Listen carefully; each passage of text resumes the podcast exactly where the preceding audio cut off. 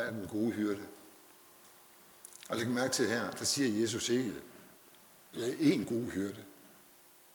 Han siger, jeg er den gode hyrde. I reference til de gamle testamentlige tekster, hvor, Jesus, hvor Gud bliver omtalt som en god hyrde. Og så går Jesus ind og siger, jeg er den gode hyrde. Ikke en blandt mange, men unik. Jeg er den eneste. Og han understreger det ved at sige, at den gode hyrde sætter sit liv til for forerne. Der har vi allerede korsreferencen. Der har vi allerede det ultimative offer, Jesus bringer ved at være hyrde for sin folk.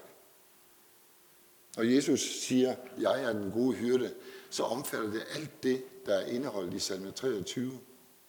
Af ledelse, af beskyttelse, af omsorg og af næring.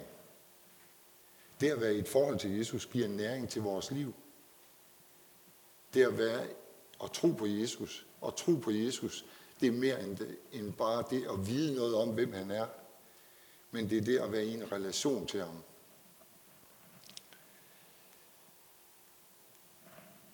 I versen, der går forud for det, vi lige har læst, der taler Jesus også om for, om den gode hyrde. Og der taler han om tyvene, som kommer og stjæler forerne. De to billeder på tyvene og på ulven i det her afsnit, det er noget af det, der kan true os. Der kan true os både fra skal vi sige, andre mennesker, det er tyvene, eller fra den natur, der omgiver os. Ulve, bjørne, chakaler, leoparder, panter, hvad det ellers var øh, omkring på Jesu tid. Og når vi står i fare for at blive angrebet, angrebet på vores tro, så er det de her både indre og ydre fjender, vi kæmper mod. Og jeg tror, vi alle sammen kender den kamp. Vi kender alle sammen kampen mod det, der kommer udefra. Mennesker, der siger, at det der det er noget vrøvl. Det der, og de har måske endda videnskabelige forklaringer på, hvorfor det skulle være noget vrøvl. Hvorfor det skulle være umuligt, at et menneske kunne dø og opstå. Hvorfor det er umuligt, at et menneske kunne blive født af en jomfru. Eller gå på vandet. Eller helbrede syge. Det giver ingen mening. Det er ulogisk. Det er uforstandigt. Eller det er dumt. Vi kan blive udsat for, at mennesker lærer af os, synes, at vi må da være tåbelige, som den artikel, der var i en avis for nogle år siden, hvor man har fundet ud af, at folk, der tror på Gud, de er mindre intelligente end dem, der gør, ikke gør. Det er sådan en, hvor jeg tænker, det er langt ude. Men der er så mange ting udefra, der kan komme og anfægte vores tro. Og anfægtelsen kan også komme indenfra. Nogle gange, hvor vi oplever os selv, at opleve i vores liv, at Gud har vendt ryggen til os.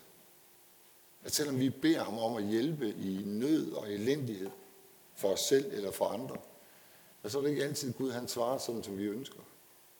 Det er ikke altid Gud, han går ind i vores situation og flytter de sten, der ligger på vores vej. Men også det er udtryk for kærlighed.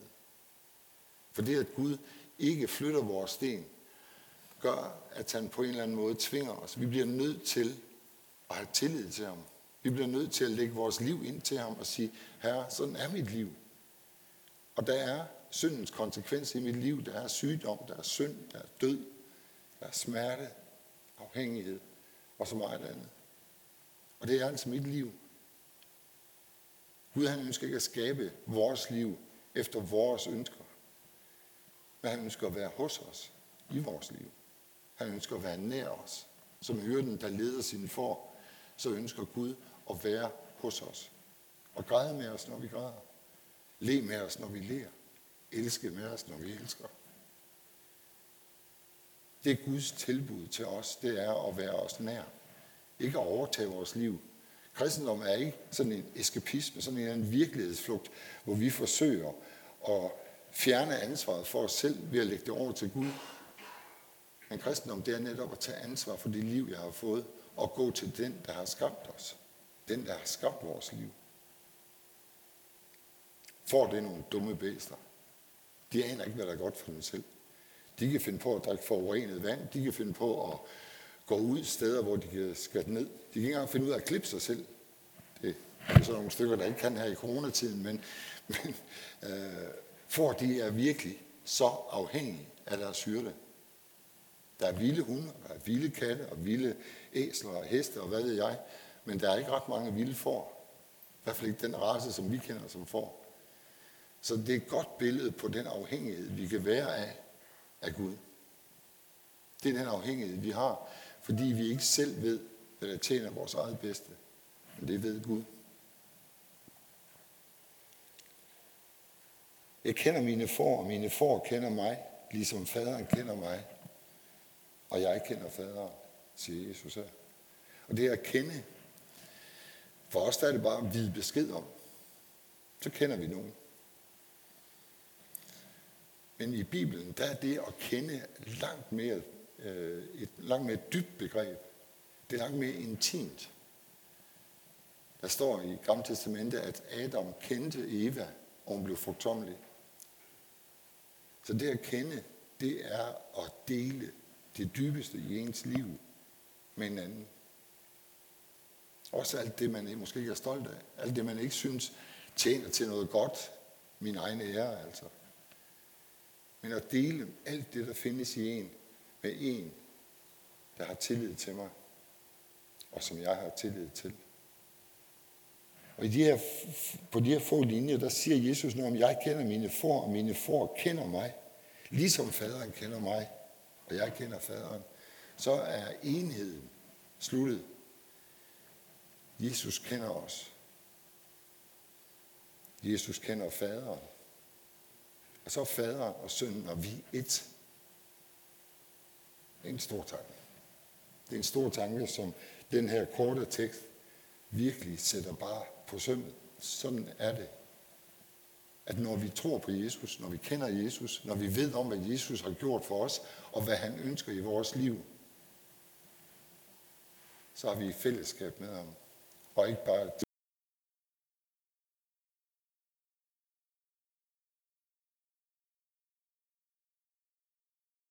at Jesus er Guds søn. Han ved godt, at Jesus øh, er død. Jeg tror også, at han ved, at han er opstået. Men han kender ham ikke. For han har ikke tillid til ham. Og så kommer det her lidt interessante vers til sidst. Jeg har også andre for, som ikke hører til denne folk. Det, det synes jeg er rigtig, rigtig stærkt. For det siger også noget om, hvordan vi kan forholde os til den omverden, vi bebor. Det her det er ikke bare en lukket klub. Det er ikke bare de kristne, og så alle de andre. Nej, vi er mennesker. Alle sammen. Vi er alle sammen Guds skabninger. Jeg hørte en historie øh, for nogle tid siden om en mand, der var ude og besøge øh, en menighed i Asien.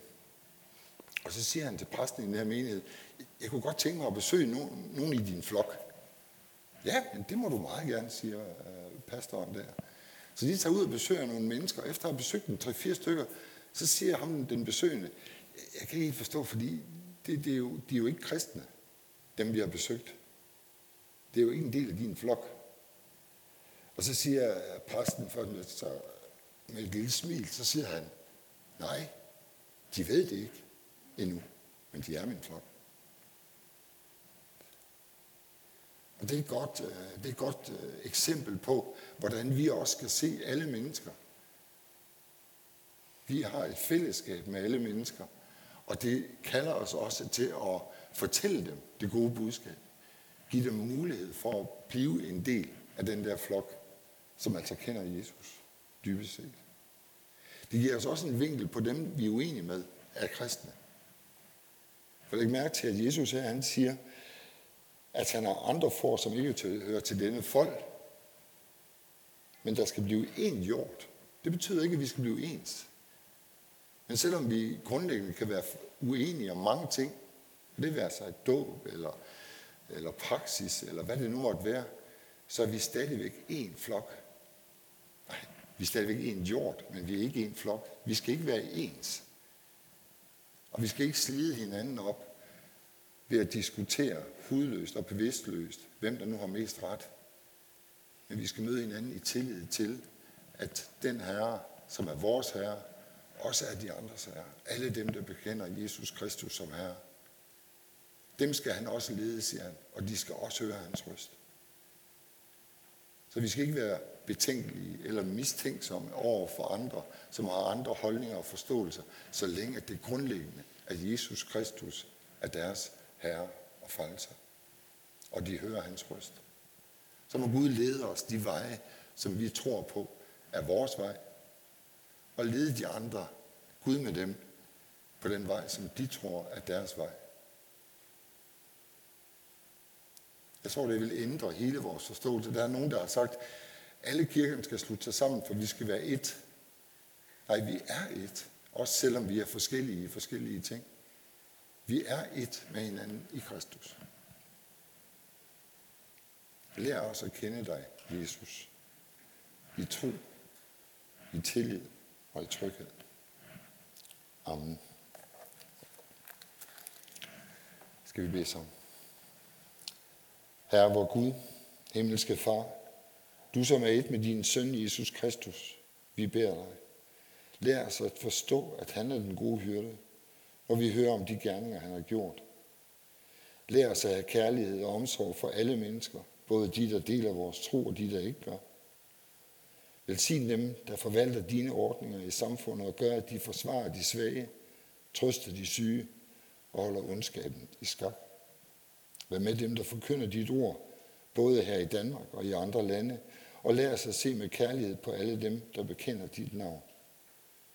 Hjælp os alle at stole på hans løfter, så vi følges med ham i liv og død, og vandrer med dig gennem mørkets dal ind til det evige liv hos Gud, vor Far, som med dig og Helligånden lever og regerer en sand Gud fra evighed og til evighed.